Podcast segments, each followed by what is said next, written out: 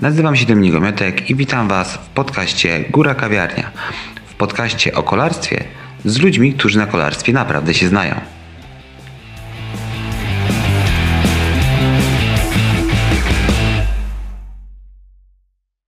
Witajcie, ja nazywam się Dominik Omiotek i witam Was w kolejnym odcinku podcastu Góra Kawiarnia.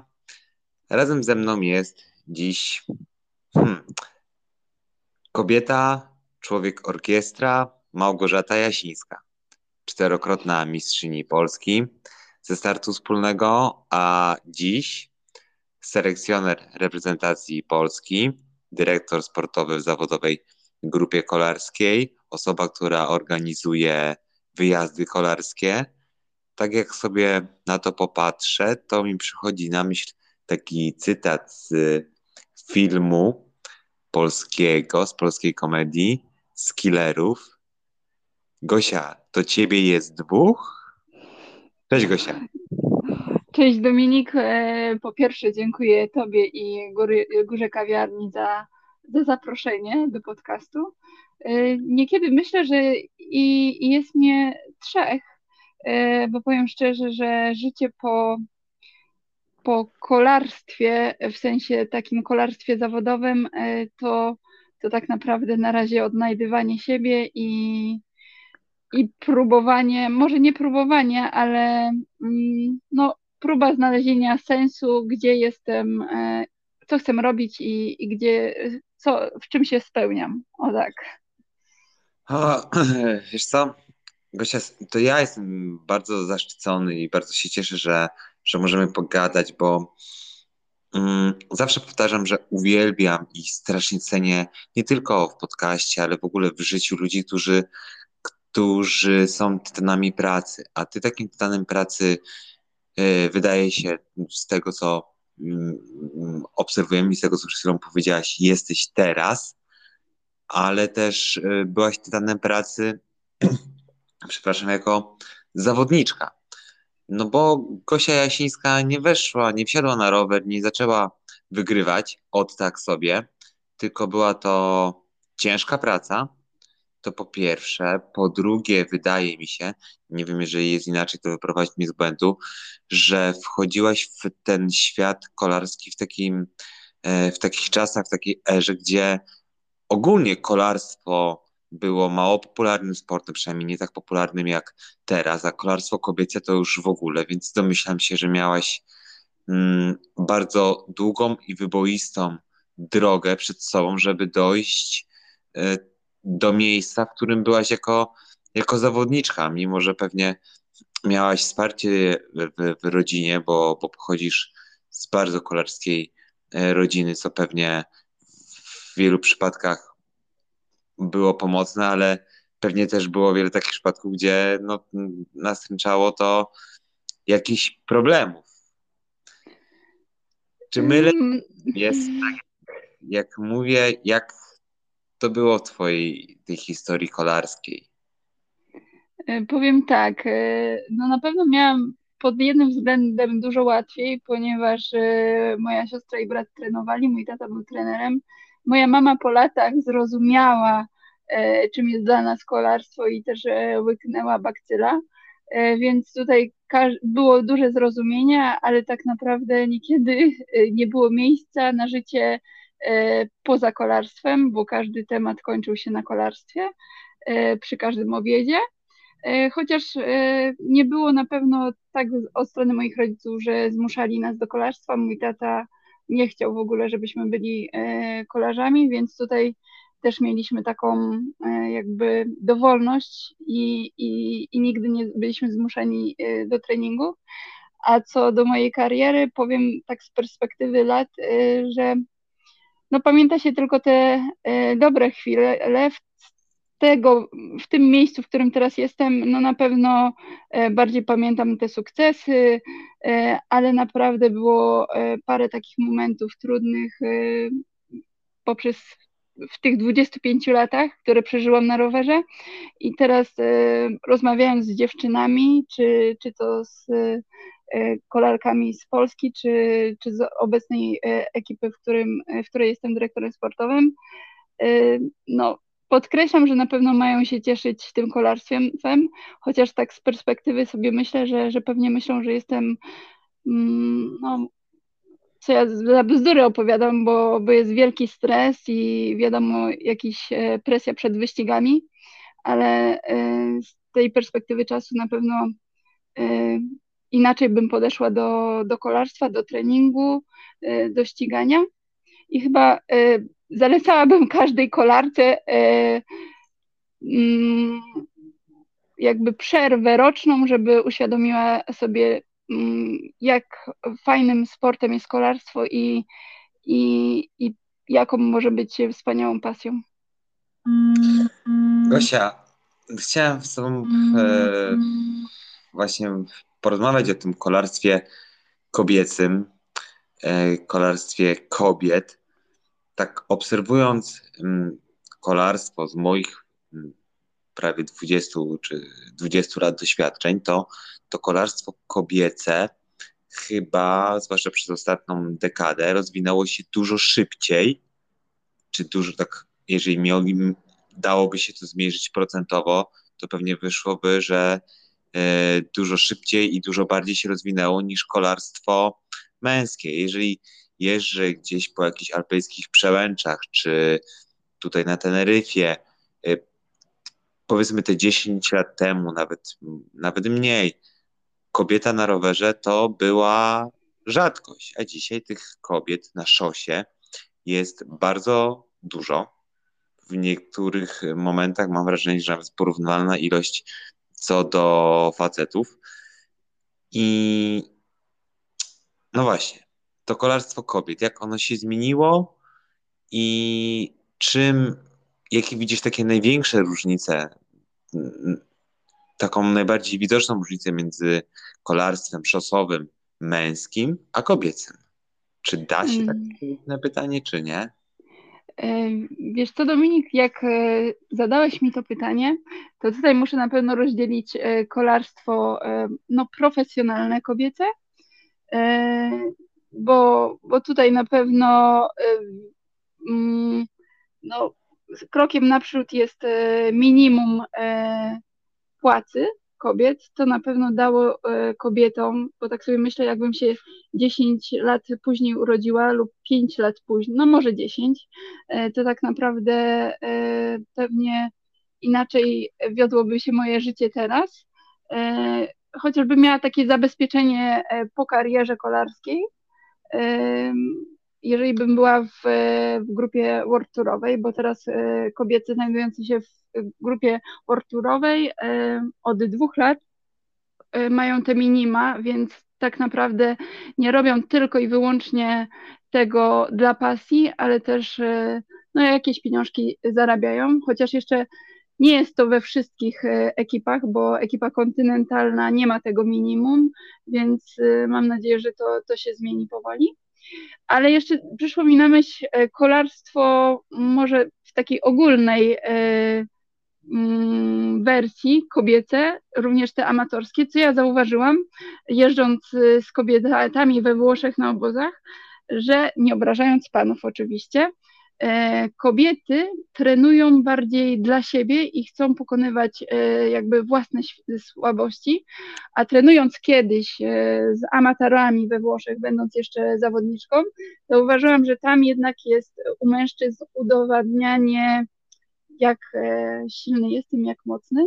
Oczywiście są wyjątki i tutaj nie chcę mu ogólniać, ale myślę, że kobiety mają takiego, mm, no bardziej trenują z pasją, i chcą udoskonalać siebie i, i własne słabości, a tutaj u panów widzę większą rywalizację. E, fajnie, że o tym e, wspomniałaś, bo też chciałem ten temat poruszyć, ale w takim razie, jak podzieliliśmy, podzieliłaś to kolarstwo zawodowe kobiece i kolarstwo amatorskie kobiece, to może najpierw zostaniemy przy tym zawodowym, dobra? Bo już tak Dobrze. zaczęłaś. To właśnie to jest też kolejna rzecz, która, która mi przychodzi na myśl, myśląc o kolarstwie kobiecym, że przede wszystkim, kurczę, no hmm, przez wiele lat chyba było tak, że wyżyć to się z tego nie dało, albo było bardzo, bardzo ciężko. Wiesz, ja znam bardzo dobrze Bogusię Matusiak i no wiem, jak to wyglądało kiedyś i z komfortem życiowym to te zarobki to miały niewiele wspólnego. Natomiast, no właśnie, mm, wprowadzono te minima płacowe, to powiedz, no tak szczerze, myślę, że chyba skoro są to minima oficjalne przez UCI, to możemy o tym powiedzieć. E, ile dzisiaj jest to minimum, ile zarabiają średnio e, zawodniczki na świecie w dobrych grupach, ile zarabiają, na pewno też masz takie informacje i mam nadzieję, że możesz się tym podzielić. Chodzi mi o pewne widełki bez, że tak powiem, nazwisk, ile zarabia się w Polsce jeżdżąc w polskich grupach. E, może nie powiem o polskich grupach, bo powiem szczerze, że no, tutaj nie, nie dochodziłam tego i, i myślę, że, że tutaj nie jestem jakby osobą, która. E, ale powiem, e, jeżeli chodzi o grupy zagraniczne, e, kontynentalne, które tak naprawdę włoskie, bo tutaj mam taką możliwość i mam to w porównaniu do tych mm, średnich zarobków w grupach worturowych, gdzie one są na od, no takie średnie od 60 y, tysięcy, znaczy mniej więcej 60 tysięcy e, euro rocznie dla kobiety, e, to e, w takich kontynentalnych to jest, no to nie jest dużo, bo to jest 3000 euro, więc tutaj mamy taką rozbieżność, więc że... Rocznie? Tak, rocznie. 250 euro niektóre zawodniczki dostają miesięcznie. Więc, Mówimy tutaj no, o, wartości, o wartości kontraktu, czyli od tego trzeba jeszcze odprowadzić e, podatek, tak? W zależności na jakich zasadach e, na jakich zasadach e, zawodniczka ma podpisany kontrakt, bo to są różne jeszcze, bo te grupy kontynentalne powinny wejść te minima, ale tak naprawdę to nie jest jeszcze do końca uregulowane. E, więc e, będąc zawodniczką World Touru, a zawodniczką taką, e, która ściga się również z zawodniczkami World Touru, nie zawsze no to jest, to są diametralne różnice i myślę, że teraz wiele zawodniczek tylko i wyłącznie marzy o tym, żeby, żeby tak naprawdę dostać się do World Touru, bo wtedy mogą zacząć uprawiać i traktować kolarstwo jako zawód bo myślę, że 250 euro miesięcznie, no to jednak. No nawet na waciki nie wystarczy. Mm, więc tutaj e, myślę, że tutaj kolejna różnica, chociaż nie wiem jak jest u panów, bo, bo myślę, że każdy e, ma jakąś drogę do przejścia, żeby dojść do tego e, miejsca mm, na szczycie. To tutaj u kobiet jednak, e, żeby ścigać się E, w World Tourze najpierw trzeba mieć e, albo wielki talent, albo naprawdę wielką pasją. Musi być kolarstwo, żeby, żeby wytrwać i, i dostać się do grupy World Tourowej, gdzie, gdzie mieć, żeby mieć to minimum i, i zacząć się ścigać, traktować kolarstwo jako zawód. To ile jest kobiecych grup World Tourowych? To, bo to też jest chyba istotne w tym e, momencie? Tak, e, w tym roku jest 15, e, co roku przybywa, więc mam nadzieję, że, że dojdziemy do większej ilości, chociaż są różne teorie, czy że grupy World Tourowe jakby zabijają poniekąd kolarstwo. No nie wiem, nie wiem jak to na razie, jak do tego podejść. Być może, ponieważ niekiedy też widzę, że mm, no zawodniczki przechodzące w bardzo w młodym wieku. E, no super, że, że zarabiają, ale niekiedy no myślę, że każdy musi przejść jakąś tam ścieżkę i że no różnie to można ocenić. O tak. No dobra. To co jest fajniejsze, co jest cięższego w kolarstwie zawodowym kobiecym w porównaniu z męskim? Twoim odczuciu? Takie największe różnice na powiedzmy, z czym macie ciężej? O, jako e, kobiety. jakbyś zapytał mnie 4-5 lat temu, to na pewno medialność e, kobiecego kolarstwa, ale w tym, w tym okresie już mogę powiedzieć, że, że to na pewno się zmienia na wielki plus. Coraz więcej jest wyścigów kobiet i myślę, że jeszcze te kolarstwo nie jest aż tak bardzo doceniane jak męskie, ale myślę, że jest mogłabym się pokusić bardziej ciekawe, ponieważ nie jest jeszcze tak e, wyliczane przez dyrektorów sportowych i, i myślę, że kobiety poprzez e, mniejszą ilość kilometrów e, bardziej agresywnie jeżdżą od początku wyścigu, więc, więc niekiedy i ucieczki, tak jak widzieliśmy na Paryż-Roubaix, po pierwszych kilometrach mogą dojechać do mety. Więc to na pewno nie, nie jest, nie, nie mówię jako minus, ale jako wielki plus y, kolarstwa y, widzów. Z czym mamy ciężej? Y, to na pewno z założeniem rodziny. To jest na pewno większy minus, ponieważ no, mam parę koleżanek, które zdecydowały się być mamami, ale myślę, że, że nie do końca jest to super wyjście ze względu na ilość wyjazdów i y, no jednak niemożność bycia mamą na cały etat. Moja koleżanka, cię... koleżanka mhm. lekarka, tak, e, że ci się wtrącę, mówi tak trochę o, o sobie jak o lekarzu, że mama lekarz to jest taka świnka morska ani świnka, ani morska. Ani lekarz, ani mama. W, sensie, e, w takim sensie, że nie jesteś w stanie się mm, poświęcić no niczemu tak naprawdę na 100%.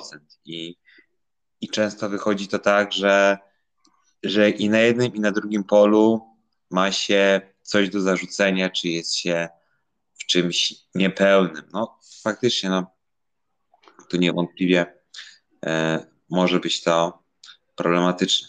Tak, przepraszam. Ale, ale przykład y, Marty Bastianelli, co prawda znałam, e, znam ją do dzisiaj i mamy ze sobą kontakt, ale e, jak urodziła dziecko, e, no to jednak dla niej było bardzo ciężko jakby opuścić córkę w tym i jechać na, na wyścigi, no bo wtedy właśnie były te dylematy.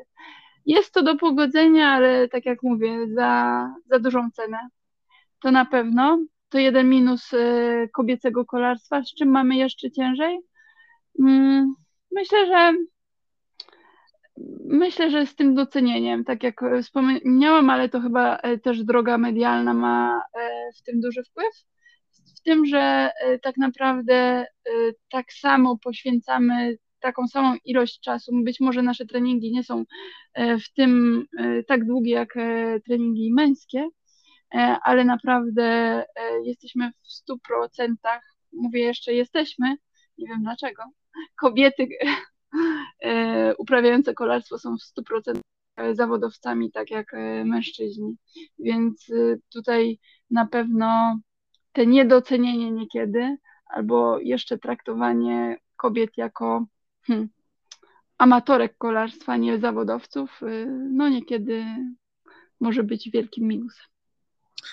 E, wspomniałaś o, o tej medialności kolarstwa, to faktycznie no nawet jeżeli chodzi o transmisję na Eurosporcie czy w innych telewizjach, no to się naprawdę poprawiło w ostatnich, no dosłownie kilku latach, bo tak naprawdę nie wiem, to jest historia dwóch, trzech, czterech lat, jak e, powtarzasz, gdzie gdzie ta medialność tego kolarstwa się naprawdę e, zmieniła.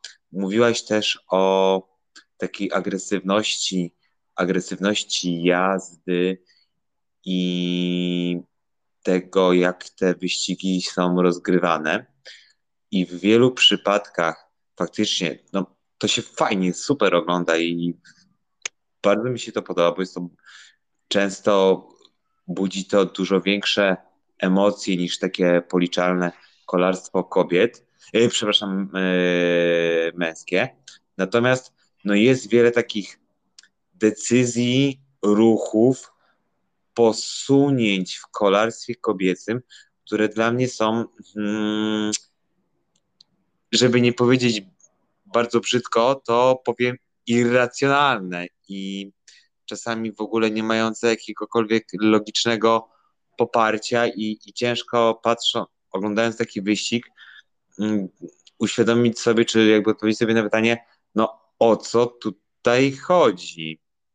Powiedz mi, z czego to może wynikać? Czy to wynika z takiego niedoświadczenia, e, czy braku komunikacji, czy może tego, że, że nie, nie edukuje się tak mm, tych, e, nie ma takiej edukacji, czy nie ma takich team order, czy nie ma jakichś odpraw technicznych. No, na pewno masz też przed oczami kilka takich sytuacji, gdzie widz, który ogląda taką, taką transmisję wysiłku kobieskiego, zastanawia się, o co kurczę tutaj chodzi. Czy no, nie wiem, to co się działo nawet na Stradę Biankę, gdzie no patrzysz, no kurczę, no tłuką się między sobą. Niby fajnie, ale tak z boku patrząc, no to nie wiadomo o co chodzi, nie? Chodzi ci o The Works wtedy, o Kopecki Wolernik? Tak, tak, tak. Mhm. mhm. Mam się wypowiedzieć, to tak naprawdę nie wiem, czy do końca e, czy do końca to nie było trochę e, ustalone, chociaż no nie wiem. E, a jeżeli chodzi o inne wyścigi, myślę, że tak jak rozmawialiśmy, myślę, że to też jest pokazanie. Mm, jeżeli zajmiesz czołowe miejsce w wyścigu World Tourowym, to też jest przepustka wyżej, po pierwsze. E, po drugie, myślę, że to jest e, poniekąd walka do samego końca, jeżeli chodzi. Mm, mm, no niekiedy są też zawodniczki. Dzisiaj oglądałam właśnie również wyścig męski i też się zastanawiałam, o co tutaj chodzi, bo ja na przykład jako były kolarz bym nie odmówiła zmiany, jeżeli jedziemy o wygraną we dwójkę w ucieczce. I tutaj nieraz mi się wydaje, że, że, że to dyrektorzy sportowi mają taki, nie wiem, takie, no, takie, wysyłają takie zadania.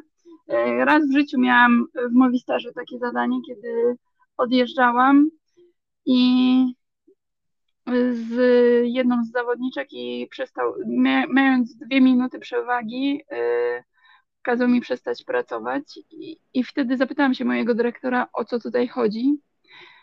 I, I tak naprawdę niekiedy myślę, że nie obrażając żadnego dyrektora sportowego, ale, ale spotkałam się z takimi, że ich ambicje są, yy, no niekiedy nie, nie są yy, Y, spójne z, z tym, co, co chcą zrobić zawodniczki.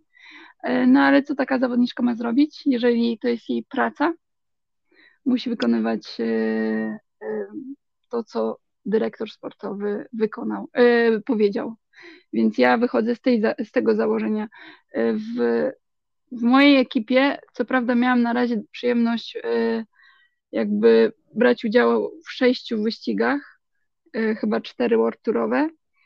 Mm, no, myślę, że, że przede wszystkim nadal trzeba jechać z sercem dla zawodniczek, bo o co tutaj chodzi właśnie? O to chodzi, żeby, żeby w tym kolarstwie mimo wszystko mieć pasję i, i jechać z sercem, bo taka dziewczyna, która przychodzi, yy, ściga się z ekipami World Tourowymi, a zarabia 250 euro miesięcznie, E, no to myślę, że przede wszystkim powinna mieć radość z tego ścigania. No i później oczywiście wykonywać polecenia swojego dyrektora, no ale tak jak mówisz, też powinny być one przemyślane i inteligentne. Ale niekiedy myślę, że, że warto, mm, warto do końca się E, poświęcić i, i, być może się nie wygra, ale, ale też e, powiesz, że dałam z siebie wszystko, próbowałam i, i być może to nie jest e, wygrana, ale, ale zawsze to, to próba z, o zwycięstwo. Poruszyłaś taki bardzo ważny aspekt, jakby to, co, co mówisz, jest dla mnie mm, jest takim, ja już od wielu lat powtarzam, że, że brakuje mi tego w sporcie to, co się dzieje w sporcie jest y, straszne i mnie uczono takiego kolarstwa 20 lat temu. Idziesz w odjazd, nie dajesz zmiany, nie masz prawa finiszować. Jak w ogóle zapomnij? No przecież to byłby 20 lat temu czy 30 lat temu, gdybyś y, poszedł y, czy poszła w odjazd i nie dawała zmiany i nie daj Boże zafiniszowała, to to by był ostatni finisz w twojej karierze, bo by cię peleton od środka E, zniszczył, zgładził i na każdym kolejnym wyścigu lądowałoby się e, w rowie, ale no o tej etykiecie czy o tych zwyczajach kolarstwie to chyba trzeba by nagrać oddzielny odcinek i jest to never ending story. Natomiast też z Adamem Proboszem kiedyś o tym rozmawiałem, mówię, że mi się to strasznie nie podoba. Adam powiedział, że no to jest zmiana czasów i albo to kolarstwo pokochasz takim, jakim jest teraz, albo daj sobie spokój, bo tam to już nie wróci nigdy. To chyba dam e... sobie spokój. No, poniekąd, znaczy faktycznie mi się, to, to mi się naprawdę podoba w kolarstwie kobiecym, że jest mniej przewidywalne, jest bardziej emocjonalne i, i faktycznie widać, że mm, zawodniczki często jadą bardziej sercem niż taktyką czy wyliczeniami. To jest, uważam, że bardzo fajne. I czy ktoś to będzie krytykował, czy nie, no to już mniejsza, mniejsza o to. Mi się to naprawdę podoba i bardzo to cenię i uważam, że to jest e, fantastyczna rzecz w kolarstwie e, kobiecym. No. Myślę, że tutaj jeszcze, jeżeli mogę wejść, e, E, myślę, że dużo ludzi na pewno to krytykuje i sama będąc zawodniczką zauważyłam, że będąc, e, mając 37 czy 36 e, lat, kiedy tak naprawdę po moim super sezonie, w pierwszym sezonie w Movistarze, później przyszły no beznadziejne, bo nie ukrywajmy, że były gorsze. No szybko mm, znalazło się osoby, które krytykowały i za stara, skończona, ale mhm. nikt tak naprawdę nie, nie podchodzi z kibiców, bardzo rzadko. Nie zastanawia się, co ten człowiek, co ten kolarz, kolarka przeżywa w swoim życiu e, osobistym, e, bo być może to nie chodzi o formę. Niekiedy są różne tragedie. Niektórzy łatwo się z tego Mm, zbierają, tak jak Lotte Kopecki, która miała osobistą tragedię parę tygodni temu i, i potem wygrała wyścig w Nukerę czy, czy Flandrię, a niektórzy tak naprawdę e, trenując, e, będąc e, być może jeżdżąc e, takie numery, których w życiu nie, nie jechali, no nie pokazują tego, nie umieją e, odnaleźć się w peletonie, ponieważ mają inne problemy. I, i to mnie boli właśnie e, w kibicach, nie obrażając żadnego kibica oczywiście, bo jest wiele takich, którzy do końca są e, ze sportowcami, szybko potrafią skrytykować i zarzucić, nie próbując kolarstwa tak naprawdę nigdy, nie siedząc na rowerze i oglądając, bo łatwo się ogląda z e, perspektywy kanapy wyścig. I tylko taką zmiankę chciałam dodać, przepraszam, trochę no. osobistą, ale tutaj w obronie wszystkich kolarzy i kolarek. To jest bardzo, to, jest, co, to co mówisz jest y, super.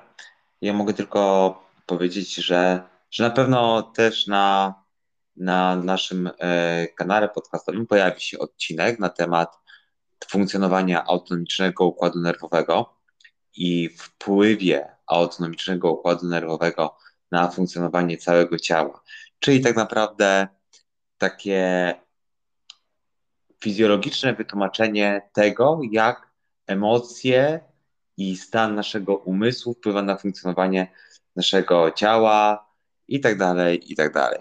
No ale to na pewno jest bardzo odległy, znaczy bardzo odległy, bardzo skomplikowany temat, ale uważam, że bardzo ważny i bardzo istotny, nie tylko w kontekście sportu, ale w ogóle całego funkcjonowania całego świata. I mi na przykład, to też abstrahując już od naszego tematu, dużo łatwiej było zrozumieć małe dzieci, czy młodzież, czy w ogóle pacjentów, jeżeli poznałem tak naprawdę fizjologię, dokładną fizjologię funkcjonowania autonomicznego układu nerwowego i wszystkich e, elementów związanych z wzgórzem, podzgórzem, e, emocjami.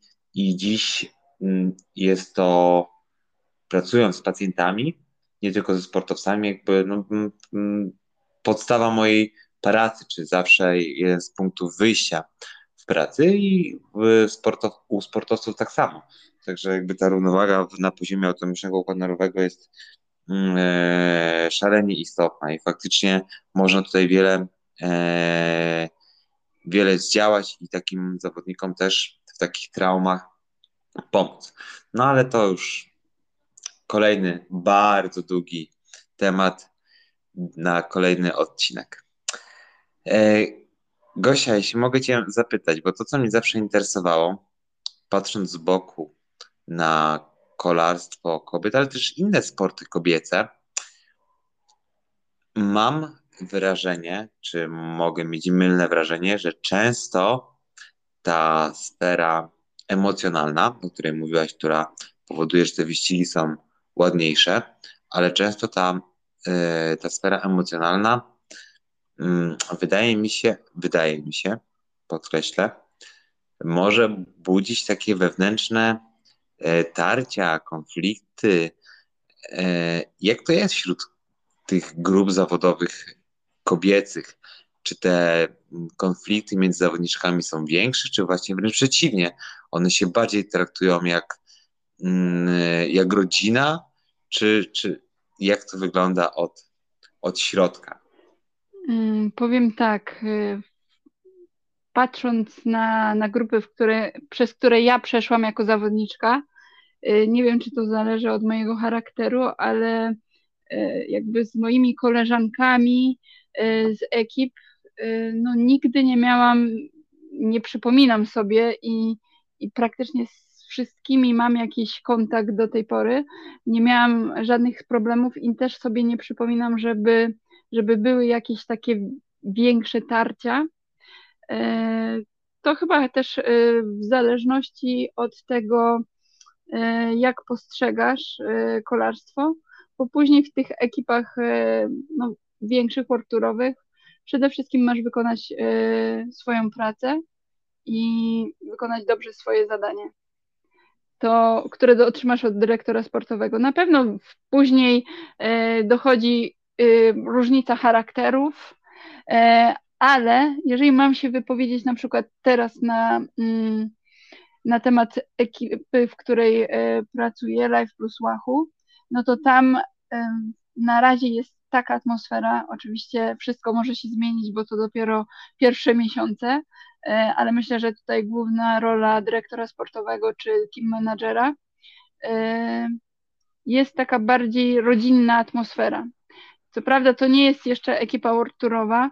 E, być może, jeżeli tutaj wchodzą większe pieniądze w grę, no to tak zawodniczki podchodzą do tego bardziej jak do pracy. Ale jeżeli jeszcze chciałam od strony emocjonalnej bo ja na swoim przykładzie masz rację, że e, myślę, że kobiety i, i obserwując też e, zawodniczki, e, bardzo często są mm, uprawiające już zawodowo kolarstwo, trochę takie mm, w stosunku do siebie, no, mm, mają podwyższoną względem siebie poprzeczkę wymagania. I myślę, że tutaj no, w moim przypadku praca z, z, mental, e, z trenerem mentalnym no naprawdę była bardzo potrzebna i, i wtedy mogłam sobie poradzić, bo, bo myślę, że, że jakieś tam niepowodzenia, porażki e, no też są potrzebne, ale jednak taka praca, taki trening mentalny bardzo pomaga i, i później pozytywnie wpływa na, na kolejne jakby wyścigi i, i jakby poznawanie siebie i, i docieranie do tych wyższych celów.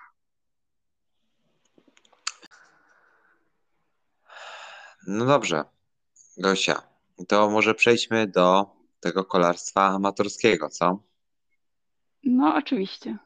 Myślę, że e, poniekąd po temat, zakończeniu. Temat, temat, temat y, ten, mm, zawodowego kolarstwa jest bardzo ciekawy i, i też moglibyśmy go pewnie rozwlec w nieskończoność, ale mam nadzieję, że jeszcze w trakcie sezonu, jak on będzie się rozkręcał, to jeszcze się ze mną kiedyś połączysz i podzielisz się swoimi doświadczeniami e, z peletonu.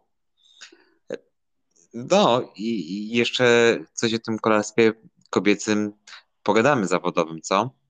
No mam nadzieję, być może jakieś odcinki, e, relacje z Tour de France, bo, bo mam w swoim kalendarzu pojechać, więc mam nadzieję, to, to zawsze mogę jakieś newsy z Tour de France Ci przekazywać. Ojej, no to miód na moje serce.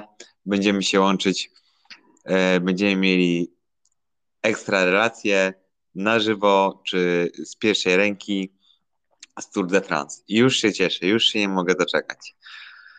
No dobrze, no to przejdźmy do tego kolarstwa kobiecego, y, amatorskiego. Powiedziałaś też bardzo ciekawe rzeczy o, o tym kolarstwie, że zauważyłaś, że mm, faceci trenują po to, żeby udowadniać komuś czy innym, jak są mocni, czy czego nie zrobili. No okej, okay, oczywiście tu nie ma co do tego żadnej wątpliwości. Testosteron gra tutaj bardzo ważną, bardzo ważną rolę i ja też zawsze powtarzam, że facet musi mieć jakąś e, odskocznię i musi pokazywać, że tak powiem, swoje ego, czy mieć miejsce na upust swojego testosteronu. Jeżeli część jeździ na rowerze, część chodzi e, do baru i szuka innych doznań. No, taką mamy naturę, nie ma co z tym dyskutować. E, powiedziałeś, że kobiety z kolei trenują dla siebie. No to powiedz mi, co takiego, hmm, czy w ogóle się zgodzisz z tym, że to kolarstwo amatorskie kobiet się strasznie rozwinęło i co takiego popycha, czy skłania hmm, kobiety do tego, żeby wsiąść na tą szosę i jeździć na tej szosie? Mm, tutaj od razu sprostuję, że e, no, nie chcę obrażać panu, bo, bo sama też jako była zawodniczka mam niekiedy e, ambicje pokonać jakiegoś pana po drodze. E, no, ale na nie ma co dyskutować. Ale nie będziemy dyskutowali z faktami. No tak jest i koniec kropka. No tak jesteśmy skonstruowani i tak działają hormony i po to się ro, po to wsiadamy na rower, po to, żeby udowodnić, udowodnić, udowodnić komuś, że jesteśmy lepsi. Nawet niedaleko nie trzeba szukać. Pojedziemy sobie na polską, na jakąkolwiek polską y, drogę i zobaczymy, jak się zachowują faceci y, w samochodach. No, Gosia, no ty no, nikogo nie obrażasz, no wiemy jak jest, a jak ktoś twierdzi, że jest inaczej, to, to ale no, myślę... To, to, to tylko może udawać, no. No to, to pomijając y, ten temat panów milczeniem, y, chciałam podkreślić, że panie myślę, że y, przede wszystkim jest taka chęć udoskonalania siebie, jakby takich indywidualnych aspiracji, nie, nie tylko mm, nie tak porównywania się do kogoś, ale przede wszystkim pokonywania jakichś swoich barier, być może ktoś kiedyś myślał, że ja tam nie wjadę, a, a pokonał, e, wjechał na ten szczyt, y, czy, czy przede wszystkim mieć jakby mm, super czas na rowerze i, i pokazanie samej sobie, że, że kurde, ja, ja to potrafię.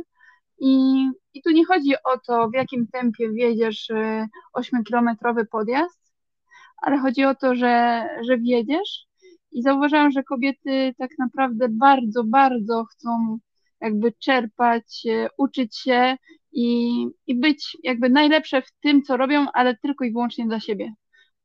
Więc tutaj y, mogą, nie mają aspiracji, że okej, okay, ja wiadę pierwszy, y, muszę. Nie, nie jest tak. Okej, okay, jakaś chce y, swoim mocniejszym tempem wjechać podjazd, nie ma problemu. Inne z tym nie mają problemu i, i myślę, że, że to jest takie bardziej kolarstwo poniekąd indywidualne w tym sensie, że że przede wszystkim dla nich, a nie e, zaspokojenia swoich jakbyś ambicji.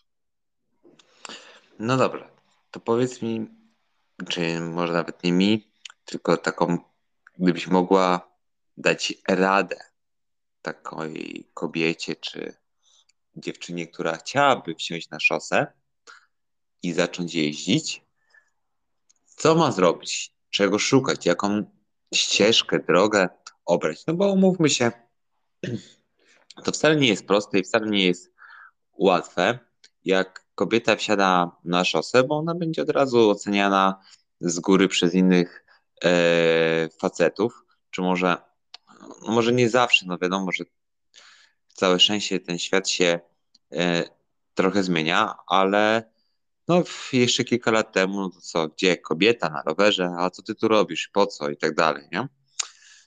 Dzisiaj jest troszeczkę inaczej, ale mimo wszystko wydaje mi się, że kobiety mogą mieć taką obawę przed e, rozpoczęciem jakiejś aktywności fizycznej, czy właśnie jazdy na rowerze, przez to, że będą oceniane czy traktowane z góry przez facetów. Mm, myślę, że jeżeli mają już taką obawę, to, to, to jest już e, kiepski start. E, bo tak, przede no wszystkim właśnie, chodzi o to, no właśnie, chodzi o to, że żeby, żeby robić to, co się lubi i, i tak jak wspomniałam, z pasją, a jeżeli e, obchodzi ich to, co jakiś facet powie, czy e, ktoś, że jest mocna, czy niemocna, e, no to myślę, że to chyba nie o to chodzi w tym kolarstwie.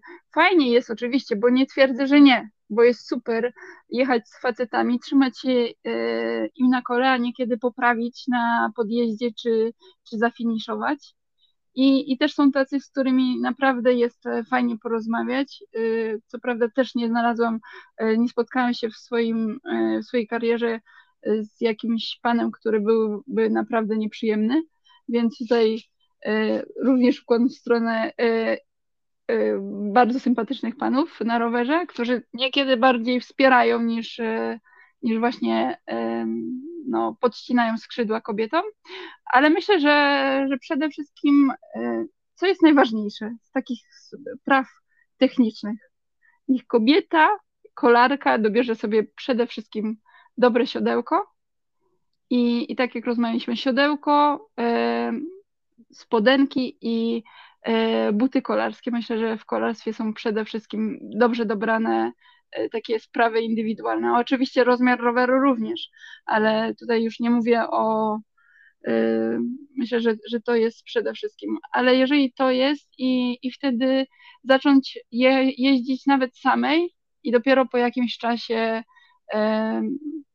kiedy już jest się pewniejszym na tym rowerze, E, być może zacząć z kobietami, być może zacząć z bardziej panami, którzy e, preferują kolarstwo romantyczne, więc e, i tutaj nie stawiać sobie na pewno jakichś barier i, i limitów, bo, bo być może w tym roku przyjedzie się 2000 km z prędkością 20 na godzinę i z roku na rok więcej, więc nie ma, nie ma co też za szybko zaczynać i jakby podpalać się, tylko z roku na rok zwiększać i, i myślę, że z coraz szybszym towarzystwie.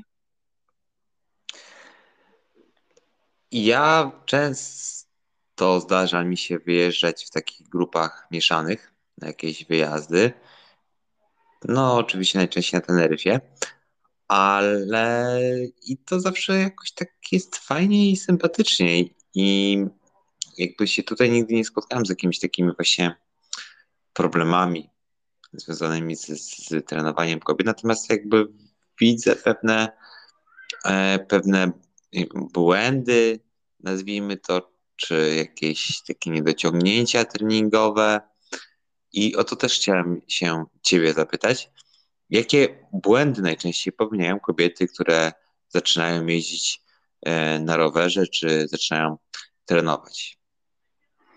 E, myślę, że e, bardzo często właśnie jest tak, że wsiadając na rower chciałyby już dorównać panom, którzy jeżdżą już trochę więcej lub koleżankom, a nie zaczynają tak naprawdę od podstaw. A co do błędów, co do błędów, hmm, myślę, że też niekiedy tutaj przemawia, ale myślę, że to ogólnie, nie tylko na kobiety, jakby tylko i wyłącznie kobiety. Myślę, że to i u panów, i u kobiet. Y, no takie ambicje, które mówią, że nie mogę szybciej, a to niekoniecznie szybciej oznacza lepiej. E, no i oczywiście, jeżeli ktoś e, zaczyna, e, wsiada na rower troszeczkę później, a nie miał przedtem do czynienia z żadnym sportem czy z rowerem, no to tutaj technicznie niekiedy może być słabiej, ale to też nie ma, nie ma ograniczeń. Każdy może wsiąść na rower. Ale myślę, że przede wszystkim nie mm, progresja treningów, tylko zaczynanie od no, większych obciążeń i, i niekiedy to, to, nie, to nie kończy się dobrze. Gosia, czy prowadzisz zawodniczki amatorki, czy tylko zajmujesz się zawodowymi zawodniczkami? W sensie, czy amatorka może do ciebie się zgłosić o z mm, chęcią, nie wiem, uzyskania jakiejś porady, czy nie? Bo wiem, że też organizujesz wyjazdy. I tam mm, też słyszałem, że przyjmujesz tak naprawdę, czy zabierasz na wyjazdy swoje, które organizujesz w jedno z piękniejszych miejsc na świecie, czyli do Luki. Przyjmujesz każdych, każdego, każdą zawodniczkę, która będzie chętna, tak? Dobrze, eee... dobrze zrobiłem. Powiem Research. tak. Tak, bardzo dobrze.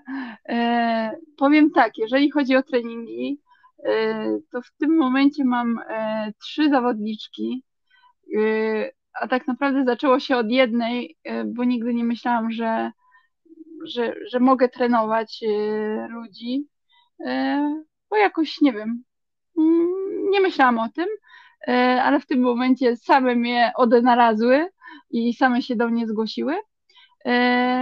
Myślę, że takie trenowanie przede wszystkim jest, opiera się na kontakcie z drugą, zawo- z drugą zawodniczką, z zawodniczką i, i tak naprawdę na bieżąco korygowanie niekiedy planu treningowego indywidualne.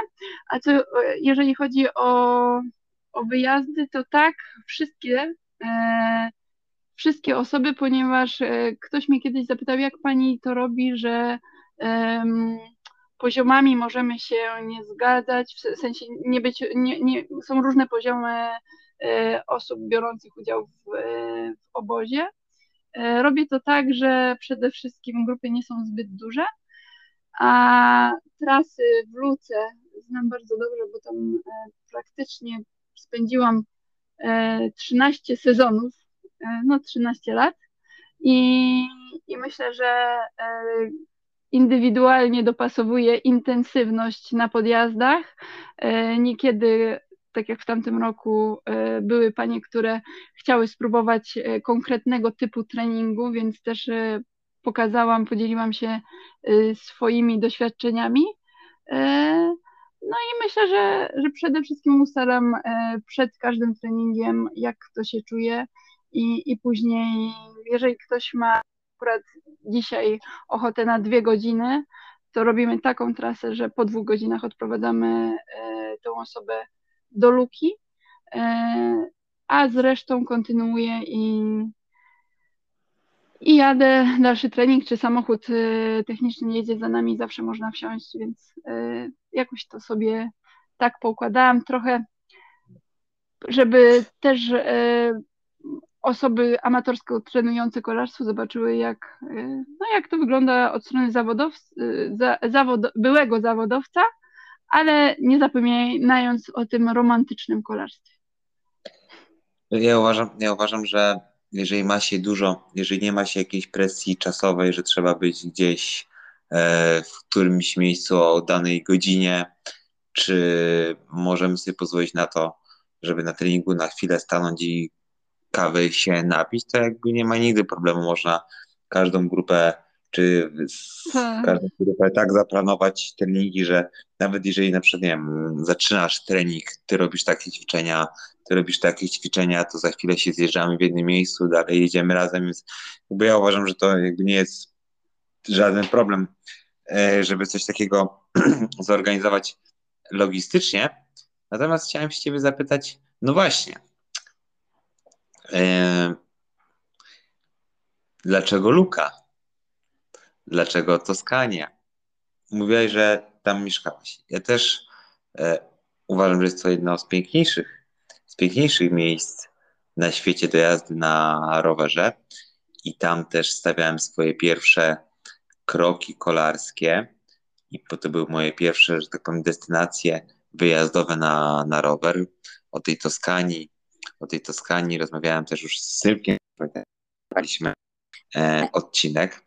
Luka w ogóle z tego, co pamiętam, jeżeli byśmy się cofnęli tak 15-20 lat wstecz, to było takim centrum kolarstwa europejskiego. Tam mnóstwo w tych okolicach zawodowych kolarzy mieszkało. Mieszka tam do tej pory Mario. E, była siedziba SRM, SRM-a, nie wiem czy jeszcze jest taka pierwsza e, europejska. No i właśnie, chciałem się zapytać, jak to teraz jest w Luce? Dawno tam nie byłem. Hmm. E, siedziba nadal jest, więc e, można być pewnym, jeżeli ktoś e, używa SRM-a, że, że tam dostanie pomoc. A dlaczego w Luce? Tam też były moje pierwsze kroki kolarskie na arenie międzynarodowej. A jak jest teraz w Luce? Myślę, że nadal tak samo pięknie. E, co prawda, coraz więcej e, turystów w okresie letnim e, po, wróciło do Luki po okresie covidowym.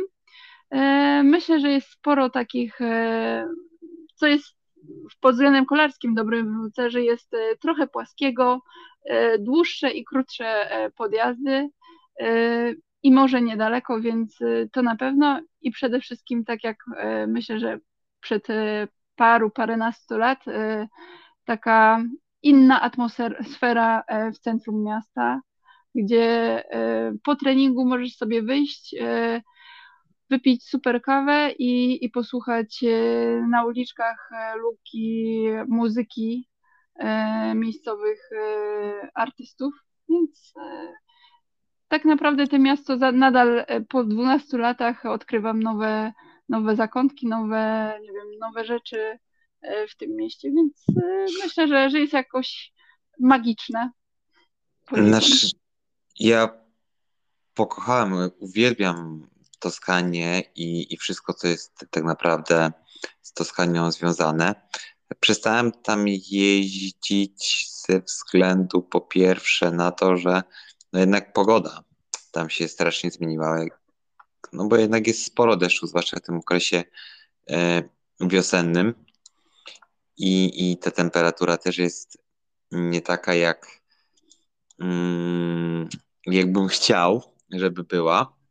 Natomiast no ja nie wiem jak ty, ubóstwiam, jestem darzę wielkim sentymentem wszystko, co tak naprawdę jest na północ od Luki, czyli e, kopalnie E, mm, marmurów kararyjskich, e, e, wszystkie te podjazdy pod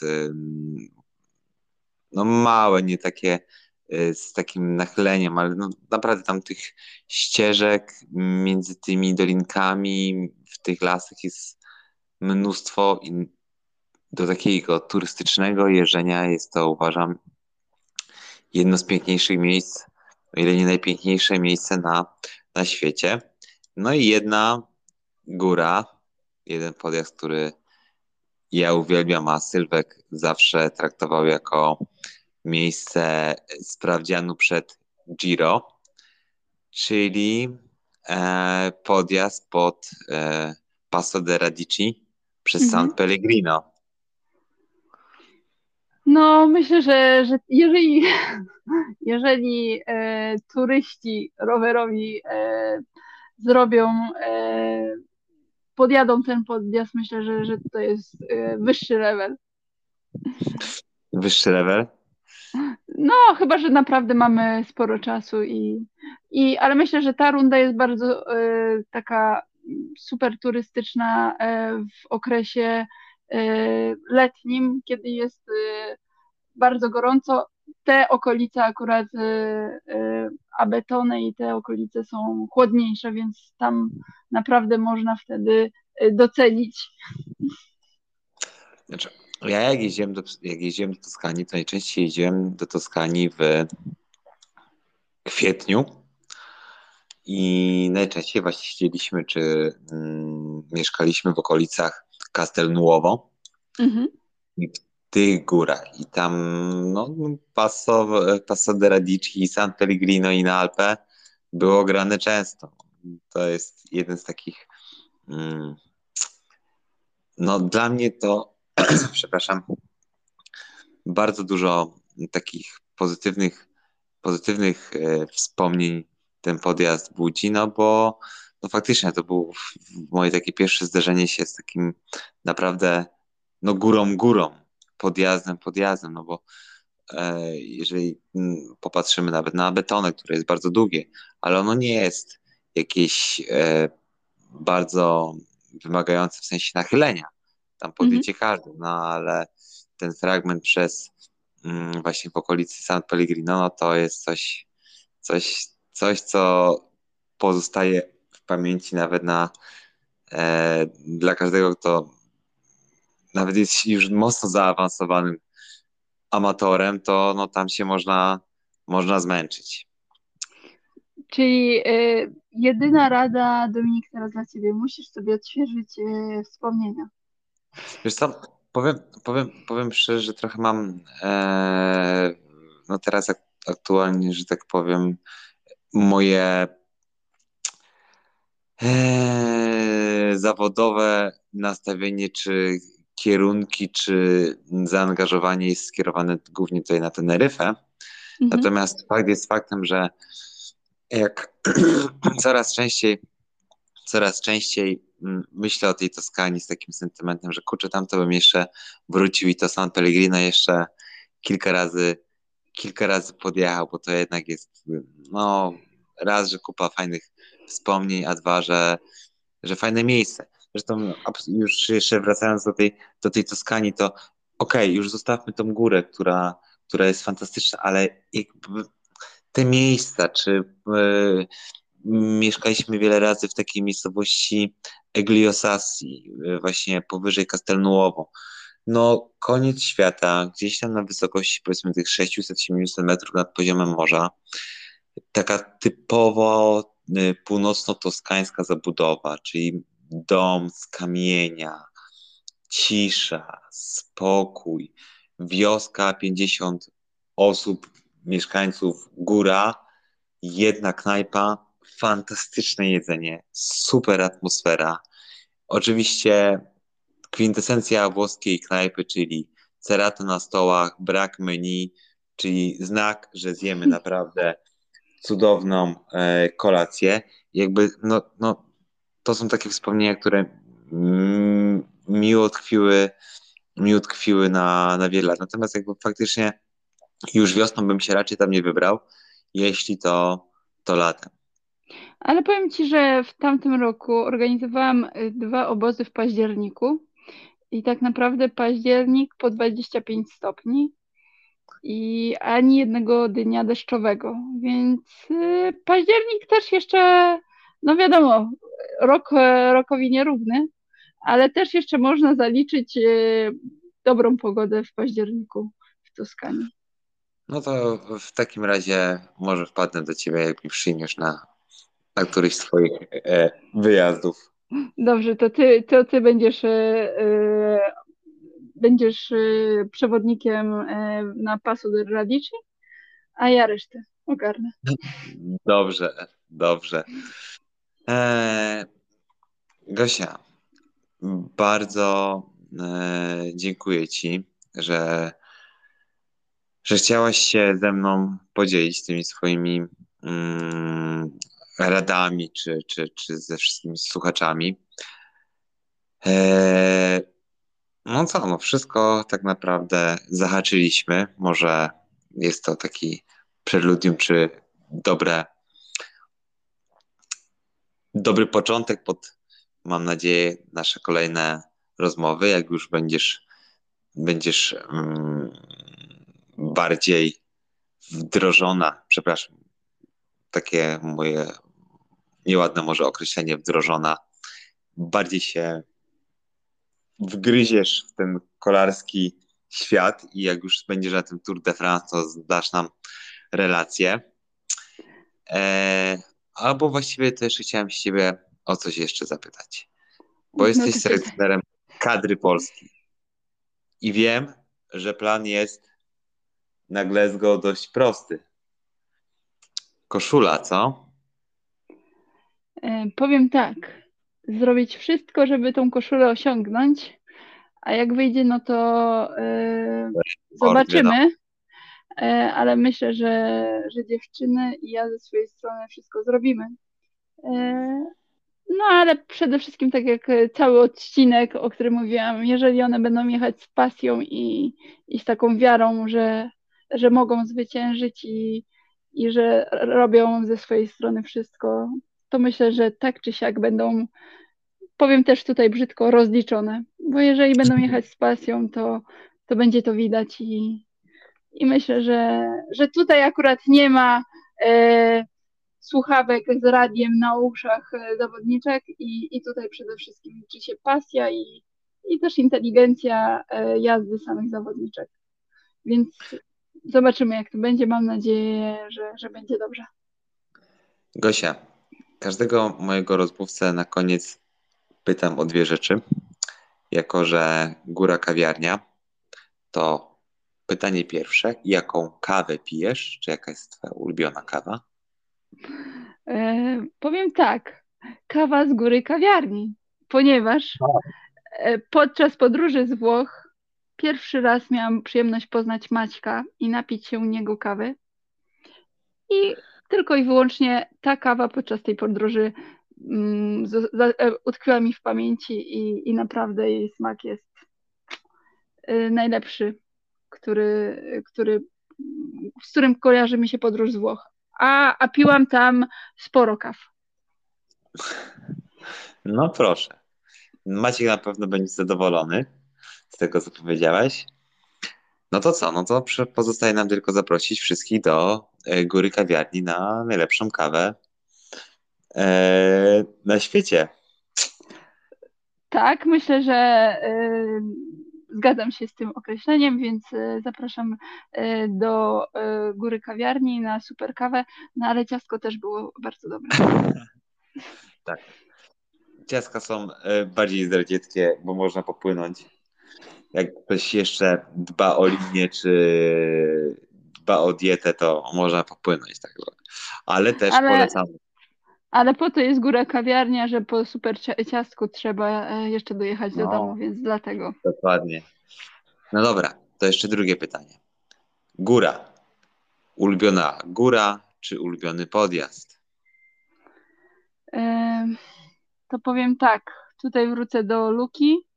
E, podjazd e, Matraja, niedaleko Luki, na którym zaatakowałam podczas mojego e, drugiego zwycięstwa w Giro di Toscana, więc to to taki, jak zwykle wracamy do emocji, emocjonalne wspomnienie i emocjonalny podjazd.